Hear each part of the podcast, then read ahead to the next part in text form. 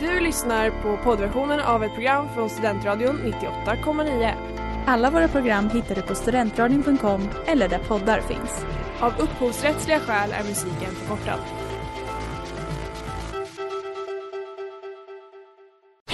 Reklam, reklam. Hej där!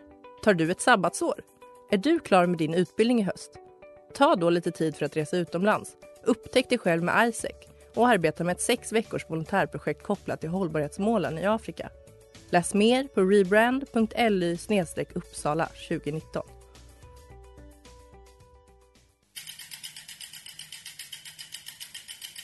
Har du fått punka, krångla växeln eller är cykeln inte lika snabb som den en gång brukade vara? Vänd dig då till Leffes cykel, Uppsalas främsta cykelverkstad sedan 1988. Du hittar dem ett stenkast från Ekonomikum på Sibyllegatan 9 i Luthagen och på leffecykel.se.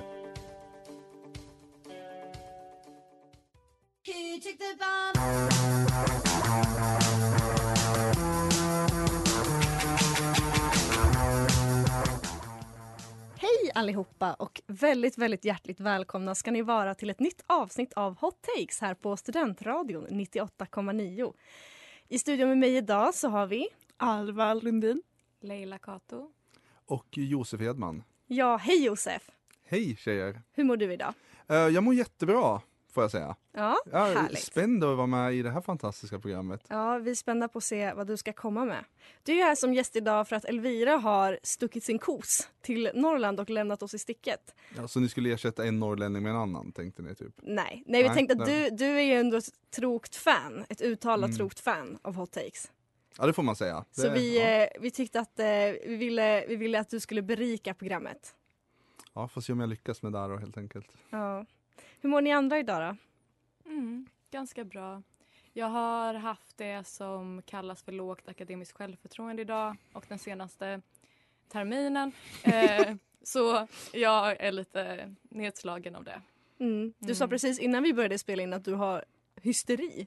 Det har jag också, men jag försöker att eh, eh, Förtrycka det. Förtrycka den också. Den är ju den är kronisk. Den är kronisk eh, men också väldigt eh, spontan. Den kommer och den går. Så vi får se hur den kommer, den kommande, hur den kommer ge sig till uttryck den kommande timmen. Ja. Hörni, idag ska vi prata om någonting som verkligen, verkligen är hett. Hot hot hot. Hot, hot, hot. Man kan, ju, man kan säga mycket om oss eh, och man kan säga mycket om eh, begreppet hett men vi har inte varit jättepå just det heta kanske tidigare avsnitt beroende på lite hur man ser det. Men nu tycker jag ändå att man får säga att vi har valt något som är ganska hett ändå. Man måste. Ja, vi ska nämligen prata om den nya svenska Netflix-serien Kärlek och anarki. Woo! Woo! Den släpptes ju för sig den 4 november vilket är typ två och en halv vecka sedan. Men jag tycker att man måste ge oss lite marginal för vad som ska få vara hett. Det är så nyss i förhållande till Shrek den tredje. Verkligen, verkligen. Så det ska bli spännande att se var det här slutar. Som en asteroid ser jag hela världen 98,9. Asteroid av Alex Järvi. Du lyssnar på Hot Takes på Studentradion 98,9 och idag så pratar vi om kärlek och anarki. Fint va? Jättefint. Ja. Det är en väldigt Mm. fin titel på, på en tv-serie. Ja, det är det. Hela omslaget när man startar serien tycker jag är jättefint. Jag gillar färgerna, svarta och gula. Ja, jag, just jag håller inte med någon, Va? om varken typsnittet eller titeln. Jag tycker att det är fult båda två. Mm, och jag är med och ställer mig på Alvas sida faktiskt. Men framförallt så tycker jag inte att titeln passar själva serien. Alltså jag tycker inte att det... Eller jo, den handlar väl lite om kärlek och lite om att göra liksom uppror mot samhällets normer men typ inte så mycket. Alltså det passar inte jättebra. Det, det lovar ju mer än vad man får. Så kan ja, säga. så kan man säga. Godispåsen är liksom inte så himla snaskig när man väl kommer dit. eh, Är det ett uttryck? det, det har inte ni med att göra. Nej men jag, jag tänkte nog också att det skulle vara mer revolution. Alltså Ja. i det här an- anarki, alltså komplett laglöshet. Nu är det bara ett litet spel mellan två personer typ. Ja, precis. Fast För den här tv... ju folk i serien. Ja, jo. Men okej, jag håller med. Det kunde varit värre. Ja. Ja. Och ju, alltså det är väl ganska snacksigt. Eh, snaskigt. Snask. Snask, Snaskigt. snaskigt, tack. Eh, Ja, jag tänker typ att det är ganska mycket sexiga scener, mycket nakenhet och väldigt stela stämningar. Ja, jag tänker att vi kanske ska gå igenom lite vad serien faktiskt handlar om och vad det är för någonting. Ehm, Så det är liksom den nya svenska Netflix-serien. som är Den är skapad av Lisa Langset och det är åtta avsnitt som är 30 minuter var. Och den handlar om eh, en typ medelålders, typ av så här eh, krislösare typ. Som heter Konsult, Sofie. Typ, ja, någon typ av kriskonsult Ja. som heter Sofie. Som börjar på ett, ett nytt jobb, så, ett bokförlag, liksom ett jättegammalt bokförlag. Där hon ska liksom digitalisera massa eller typ ta dem in i framtiden. Något sånt där. Eh, och på det här förlaget så träffar hon en eh, IT-tekniker. Ett som- barn. Ett barn, precis. Som heter Max och han är då IT-tekniker på det här förlaget. Och de, det börjar med att han kommer på henne när hon står och runkar på jobbet, vilket är så konstigt att hon gör det till att börja med. Och det är hennes första dag. Och hon bara ja, ja men då drar vi en liten... Ehm, Alla har ju känt behovet någon gång och viljan. Det, det är ju det som är anarkin, att hon gör det hon känner för. Ja, kanske det. Jo. Men han kom i alla fall på henne och typ tar ett foto, vilket också är väldigt konstigt att han gör det. Och, ehm, men då går de, efter det så går de in i någon slags... Att för att han säger till henne så här, ah, för att jag ska radera det här fotot så behöver du göra den här och den här grejen och så börjar det med att de utmanar varandra fram och tillbaka. Och det är liksom det som är seriens upplägg, att de ger varandra utmaningar som på något sätt ska så här, tänja på eh, sociala normer som typ så här f- fikarasten eller vem man kan skälla ut. Alltså det är väldigt tama normer. Jag tror det är något avsnitt då han ger henne utmaningen att hon ska gå baklänges en hel dag. Mm. Typ. Men det är, det så tamt? Ja, men det, när någon säger så här, jag ska utmana samhällets normer. Ja. Då är det ju inte oftast det man tänker på. Om man går framlänges eller baklänges kanske. Men Kreativt om inte annat. Ja, verkligen. Det ska, det ska han ha. Ja, så det är som att hennes första lilla eh, lagbrott där, eller man ska säga, när hon hittas runkandes på kontoret blir liksom en... Eh, Startskottet. Ja, för att liksom alla de här små lagbrotten som Max då hakar på helt enkelt. Och det är kanske det som de syftar till med anarkin framför allt. Jag tror det. Mm. Ja, så Mm. det är liksom... Ja. Det är upplägget, Alltså, det är det är- utgångspunkten. Det är inte världens djupaste serie så som ni hör. Nej, det är ganska... Men, Men vad, ändå lite spännande. vad tycker ni om serien? Det är helt okej. Helt ärligt, liksom. vad, vad är era tankar? Jag som har sett exakt alla avsnitt eh, Mm. tycker att den är sådär. Och jag har haft en, eh, en stor, stor kris för att jag har läst eh, jättemycket recensioner som är så här. Eh, jag, vet inte, jag tror att det var DN som sa att det var den bästa alltså, komediserien, som, eller det roligaste som någonsin har skrivits på liksom, senaste decenniet. Ja. Mm. Jag, bara, jag kan inte hålla med, det går inte. Nej. Nej, för det är ju verkligen en grej med den här serien att den har fått så fruktansvärt bra recensioner. Jag tror att det är jäv. Jag tror att alla i så här, kultur Stockholm känner varandra. Men det är för att det äntligen handlar om kultur i Stockholm. Just det, Det de är är narcissister allihopa. Ja, men det De kan känna om igen kulturfolk. Ja. Mm. Ja, kanske det. För det är verkligen så att liksom DN, Aftonbladet, SvD, alla säger att det, är så här, det här är det roligaste på länge och det här är fantastiskt och genialt. Det här är Fredrik Virtanens nya favoritserie. eh, tycker, tycker vi det? Leila, är det här din nya favoritserie? Eh, absolut inte, men alltså det var ja, ganska sevärt. Det var typ kul. Det var mycket stela stämningar, vilket jag kan tycka är skoj. Men det var också mycket som inte var så bra. Inte Mm. så originellt. Bara så här, lagom kul. Typ. Så jag fattar inte heller den här hypen. Jag tror inte på den. Jag tror på jäv. Ja, jag tror också på jäv. Och jag tänker också att alltså, målgruppen är de typ så här 15 personer som recenserar grejer i svenska tidningar. Alltså det är de som kan känna så här, gud vad relatable det här är. Alltså Mm. kultur, kultureliten typ, i Sverige.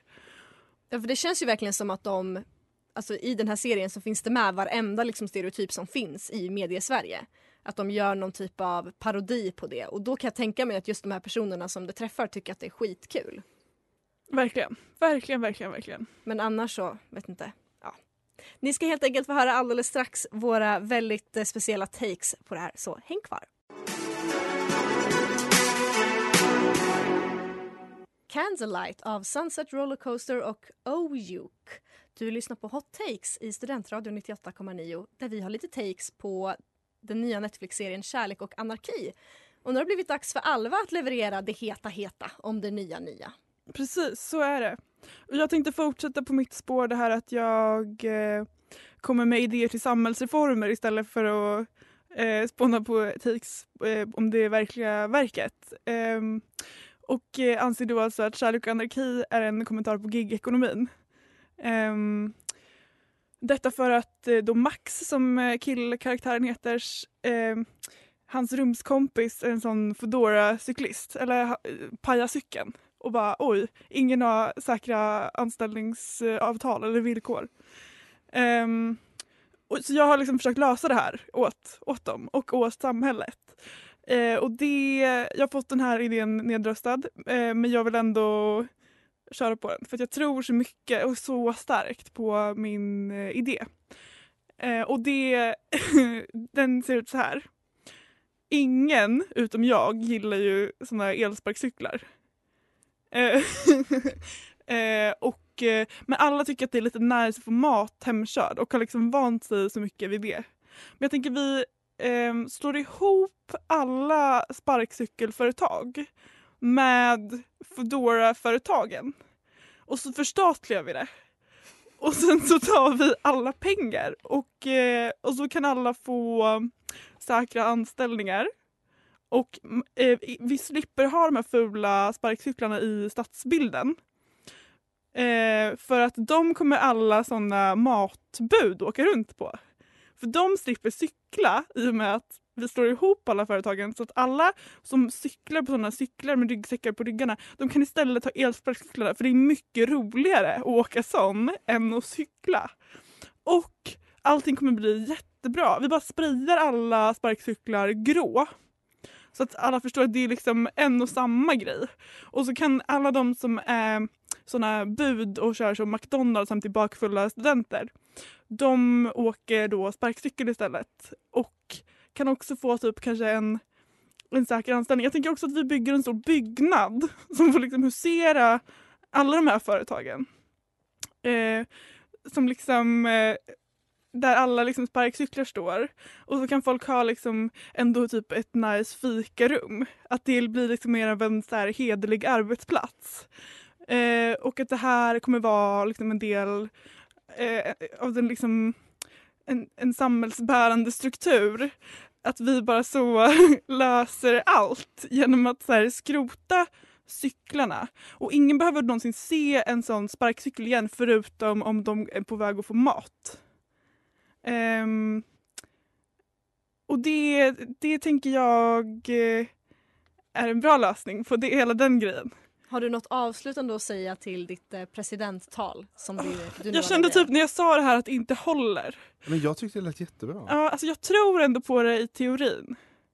Men jag, så det krävs så himla mycket för att en sån här samhäll, stor samhällsförändring ska liksom hända. Jag tror att jag måste liksom typ bli politiker eller någonting.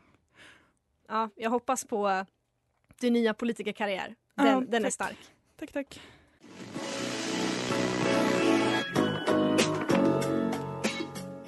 Can We av Jimmy Stack och Casey Hill. Du lyssnar på Hot Takes och nu har det blivit dags för mig att leverera min superheta take på Kärlek och anarki. När man ser Kärlek och anarki kan man vid första anblick vara beredd på att serien, eh, säga att serien handlar om den medelålders kvinnan Sofie och hur hon upptäcker nya sidor av sig själv.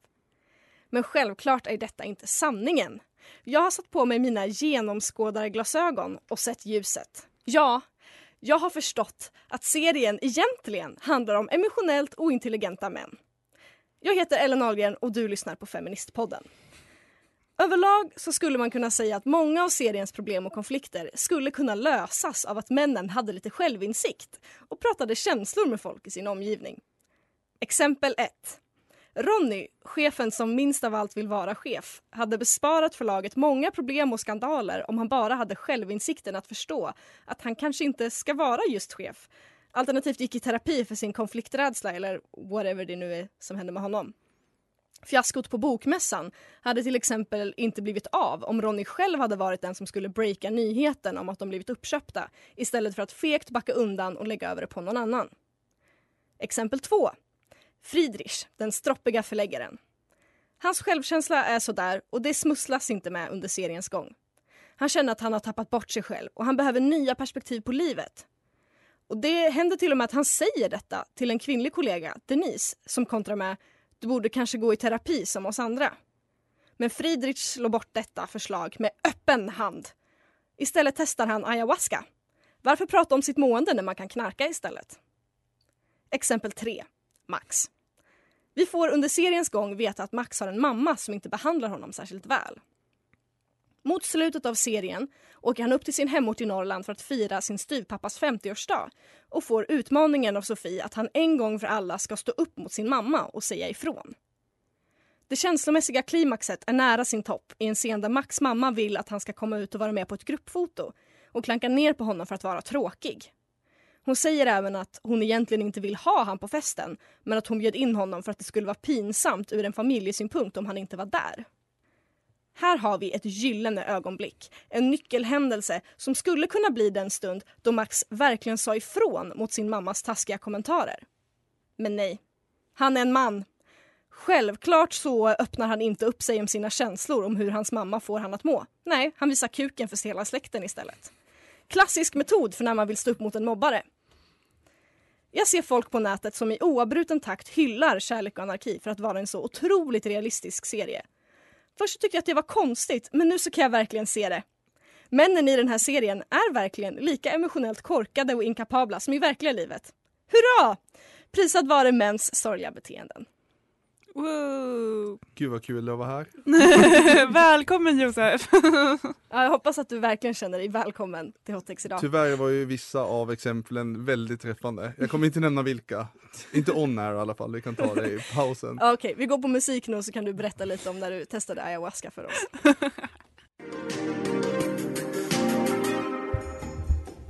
Hej, du lyssnar på Studentradion.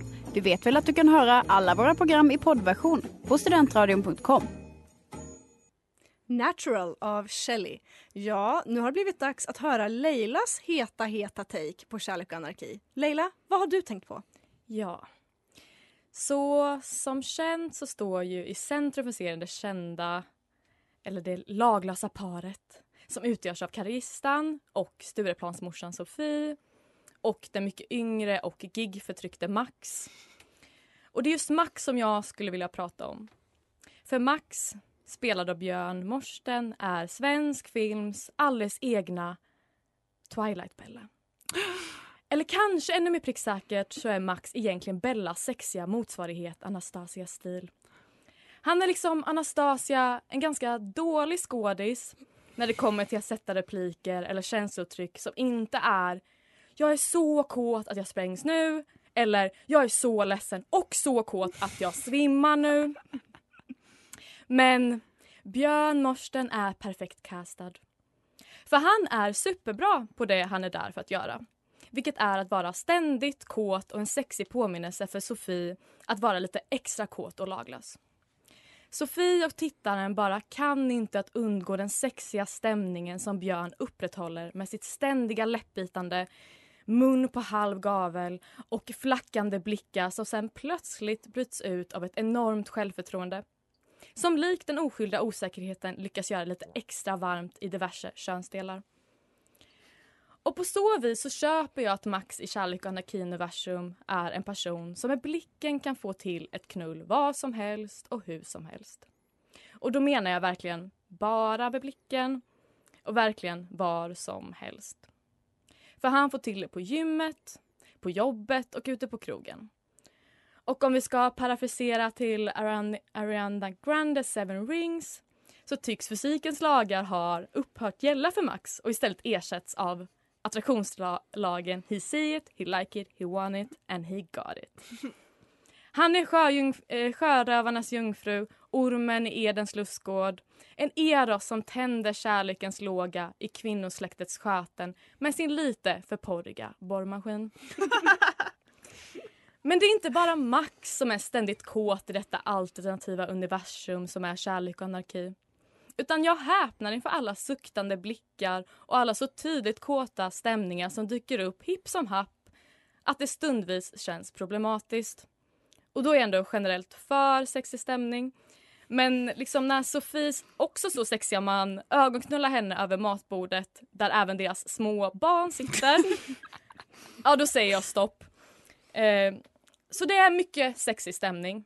Men det är bara precis lagom kul att skratta över dessa så tillspetsade stereotyper till karaktärer. Och detta kan bara inte vara den bästa svenska dramakomedin på 15 år, så som det skrivs i recensioner. Eller är det jag som är dum i huvudet som har missat det geniala med serien? Kanske. Eller kanske är det bara det att jag än inte är en medelålders stockholmare från den kulturella medelklassen som jobbar med media. Eh, för trots den förvirring som den oklara frontvalet till rubriken skapar med sin obehagliga associationsbana till livet enligt Rosa eh, så är seriens verkliga målgrupp och karaktärer hämtade ur mediasveriges kulturella medelklass och inte ur en klass med förpubertala kids. Något vilken tydligen är en perfekt strategi för att få fantastiska recensioner. Alltså att skildra recensenternas halvljumma vardagstillvaro med förstärkning av sex, skratt, satir och lyckliga slut. För vem älskar inte att spegla sig själv i media och dessutom i en sådan sexig tillvaro? Och på så vis så är kärlek och anarki den kulturella och medvetna medelklassens sexiga egoknull. Och för oss som inte tillhör just den specifika gruppen så var det bara en ganska bra serie. Woo! Ja, man får ju vara försiktig med att snacka för mycket skit om Björn eh, Mosten Mm. för han pluggar ju civilingenjör här i Uppsala. Nej, på riktigt? Ja, Så att jag vi kanske... veta det precis innan jag skulle dra min take. vi kanske stötte på honom här utanför. Eh, och så eh, man får vara försiktig med vilka eh, kommentarer man fäller.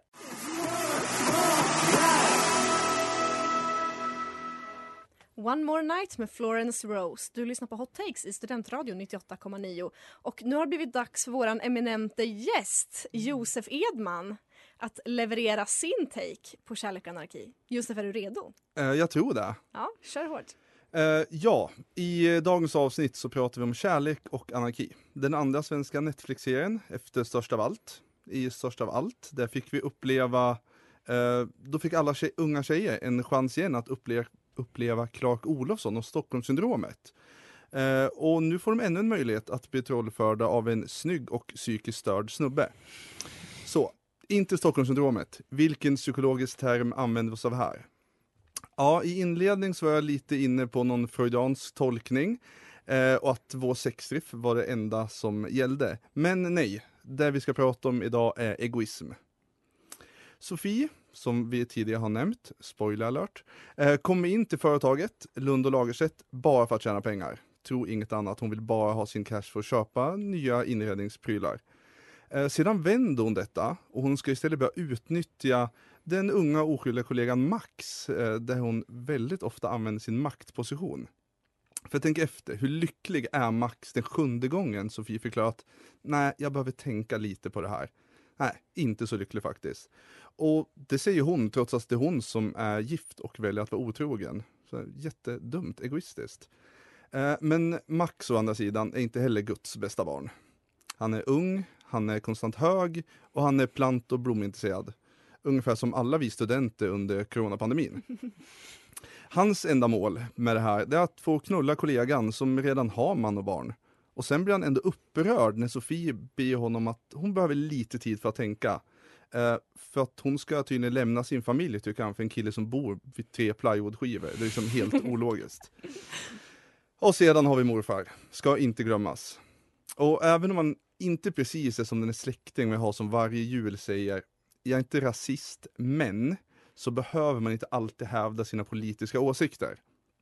Ibland kanske man bara ska få låta människor njuta av kapitalismen och ja, jag är lite trött på att bli tillsagd av gamla vita människor. Jag tänker lika mycket på morfar som på Karl Marx i det här fallet. Och kollegorna på företaget, de är inte heller bättre. Friedrich eh, backar en dickpic skickande gammal äckelgubbe bara för att skydda sig själv och det han tycker är viktigt. Mm. Ännu ett tecken på egoism. Eh, kollegan Denise, hon försöker zigzacka sig igenom denna feministiska värld med ett enda mål. Och det är inte att liksom, förbättra tjejers situation, det är bara för att få slicka sin tjejs fitta. Så, vad tar vi då med oss av denna serie? Ta med, ta vad du kan, oavsett vilka eller vem som blir skadad längs vägen. Sofie och Max sårar varandra konstant och sina familjer då de båda tänker väldigt egoistiskt. Och det är roligt att i en tid där vi alla uppmanas att tänka på varandra ska det bli intressant att se vilka av oss Netflix-knarkande människor som är det första att ställa oss upp ur sängen, ta på oss våra kläder, ta av ansiktsmasken och gå ut i världen och ta det vi förtjänar. Ja, för att avsluta och vara lite kultiverad i detta fantastiska kulturprogram som Hot Takes är. Bryt upp, bryt upp. Den nya dagen gryr. Oändligt är vårt stora äventyr. Wow! Wow, killdikten nummer ett. Ja, så, den enda dikten killar kan. Ja men det var väl någon VM, VM 94 grej. Det är en Junior Brielle-låt. Snyggt att du satte den. Ja, det var ju helt otroligt och det är också väldigt, väldigt sant. Att, alltså, jag tänkte på det ganska mycket när jag såg serien, det här med att ehm, typ att Max blir så ledsen när hon är så, jag måste tänka, vet du, jag, jag är liksom gift och har barn. Eh, vi kanske inte borde hålla på med det här. Och jag förstår att det är, man är liksom hjärtekrossad typ konstant när man är 20. Men det är också som du säger, ja, han borde väl förstå också att det är inte är så himla lätt för henne att bara typ lämna hela sin familj. Nej, Det är och- någon gång när han är så, varför har du inte ringt? Hon bara, ja för att min dotter är deprimerad. Typ. Alltså så här, jag måste ta hand om mina barn. Min pappa har lagt sig in på psyk. Det, Max är lite för ung för det där än så länge. ja, det tycker man.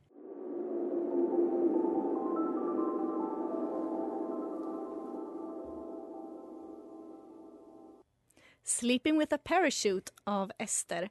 Ja, hörni, nu har vi hört alla våra takes på kärlek och anarki. Vad har vi för tankar och känslor? Jag vill prata mer om eh, borrmaskin som fallosymbol. Ja, låt oss. Ja, jag, det var bara det. Jag tycker Vill det är ett väldigt intressant grepp. Ja, I första avsnittet så är det liksom en väldigt tydlig scen på kontoret när eh, Sofie precis har kommit dit och Max är där då och bara liksom står och borrar väldigt, väldigt högljutt med en borrmaskin liksom väldigt så här, lite sexuellt placerad. Och hon har så glasögon på nästippen. Det är som en porrparodi. Alltså det är så här, vad är det här? Alltså hon är så en åh, så här, akademisk eh, äldre kvinna och, och han är liksom en manlig kroppsarbetare. Mm. Och att han kommer dit med en fucking borr. Alltså beror det här på att jag är en man som inte har gått i terapi för att jag inte kan se det här fallossymbolen i hans famn? Det kan vara också att jag har läst för mycket så, psykoanalytiska analyser av olika verk där, de, där, de, där liksom, det är alltid är så här, allt är en kuk. Alltså det är så här, det är hela litteraturvetenskapen är bara det. Och typ hela psykoanalysen. Hela Bara psykoanalysen. så, ja om du har tänkt någon gång på det här, ja det är en kuk. Ja, typ hela kulturen. Vi är bara alla skadade, mer eller mindre då. Men jag, jag vet inte, jag tycker första avsnittet just med den scenen med borrmaskinen att jag kände att det var liksom fördummande av mig som tittare. Att jag bara, ja, jag fattar att hon har makt, hon kan saker och har pengar och han Ja men han kan sex typ. För att jag, han är väl IT-tekniker. Ska inte han typ sitta vid en dator? Det är Och- det också. Varför Vad fan borrar borrar han för? Borra? Alltså jag bara, det är inte det är väl lite fel eller är det jag som Alltså, tänker fel? det är också jag blir imponerad av som du var inne där med Max sexapil. Vem fan får till det på gymmet? Ja det det- är... den scenen den är scen- sjuk. Alltså där någonstans tappar jag det för serien för jag bara, nej men det där är för osannolikt. För det första är hans raggningsreplik att han skulle ha sträckt axeln. Alltså ja, det, nej men det, den Och bara lite längre ner. ja, Den raggningsrepliken att han så, ah jag har sträckt mig så en tjej, hon bara oj, han bara du kanske kan lösa det med lite massage. Jag bara det där händer inte i verkligheten. Om en kille säger så då, då springer man. Alltså Ja. möjligtvis att, att det han säger händer. Men det kommer ju inte få de påföljderna som han nej det är får. ju inte de effekterna, det är snarare att han får en hantel i huvudet. Ja, eller liksom en orosanmälan. med eskorterad bort från gymmet. Istället blir han eskorterad till ett hörn där han får slicka den här personens fitta. Ja det känns, det känns gravt orealistiskt måste jag säga. Mm.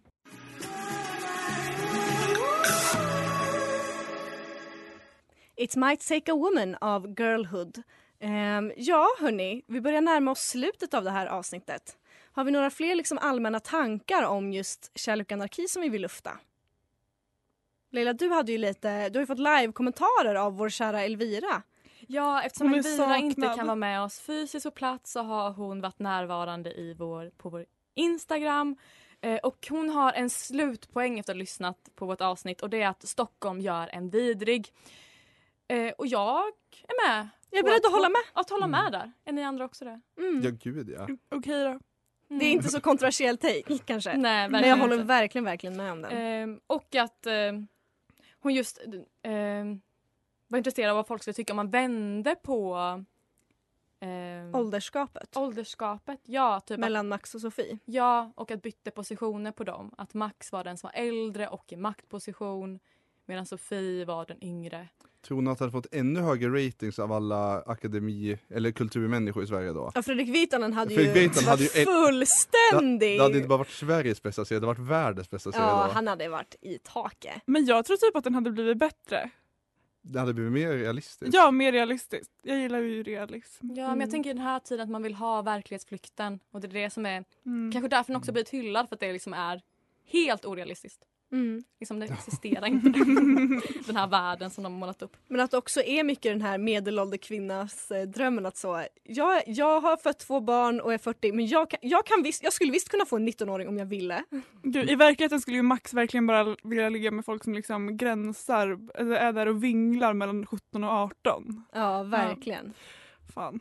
Men kan vi även diskutera Ida Engvall? Alltså, Är du lite kär i henne? Vem är det? det är hon som spelar Sofie. Ah, okej. Det ja. är min blivande flickvän, fru, jag vet inte Okej. riktigt hon, hur hon känner för vårt framtida partnerskap. Men där någonstans skulle jag kanske lägga mig. Mm. Menna, Ja, absolut. Ja. giftermål möjligtvis. Ja. Fantastisk människa. Öppen förfrågan till Ja, Ida Engvall. I- Ida Engvall, lyssnar du? Eller vad heter han, killen som spelar Max? Björn Mostedt? Björn, vet Morsten. du? Ja. Morsten. Björn i alla fall, känner du Ida och om hon är intresserad så hit me up. Ja. Hörrni, om ni vill lyssna på flera av våra avsnitt så finns vi på studentradio.com eller där poddar finns. Följ oss på Instagram, vi heter hottakes98.9. Eh, lyssna nästa vecka, då kommer vi att prata ännu mer. Det kommer bli svinkul. Tack Josef för att du ville vara med. Tack för att jag fick vara med säger jag. Och tack mina andra fina vackra kvinnor. Ha det så bra nu. Hej då! Hej då!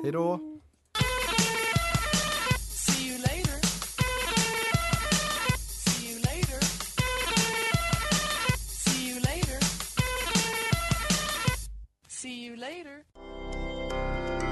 Du har lyssnat på poddversionen av ett program från Studentradion 98,9. Alla våra program hittar du på studentradion.com eller där poddar finns. Och kom ihåg, att lyssna fritt är stort, att lyssna rätt är större.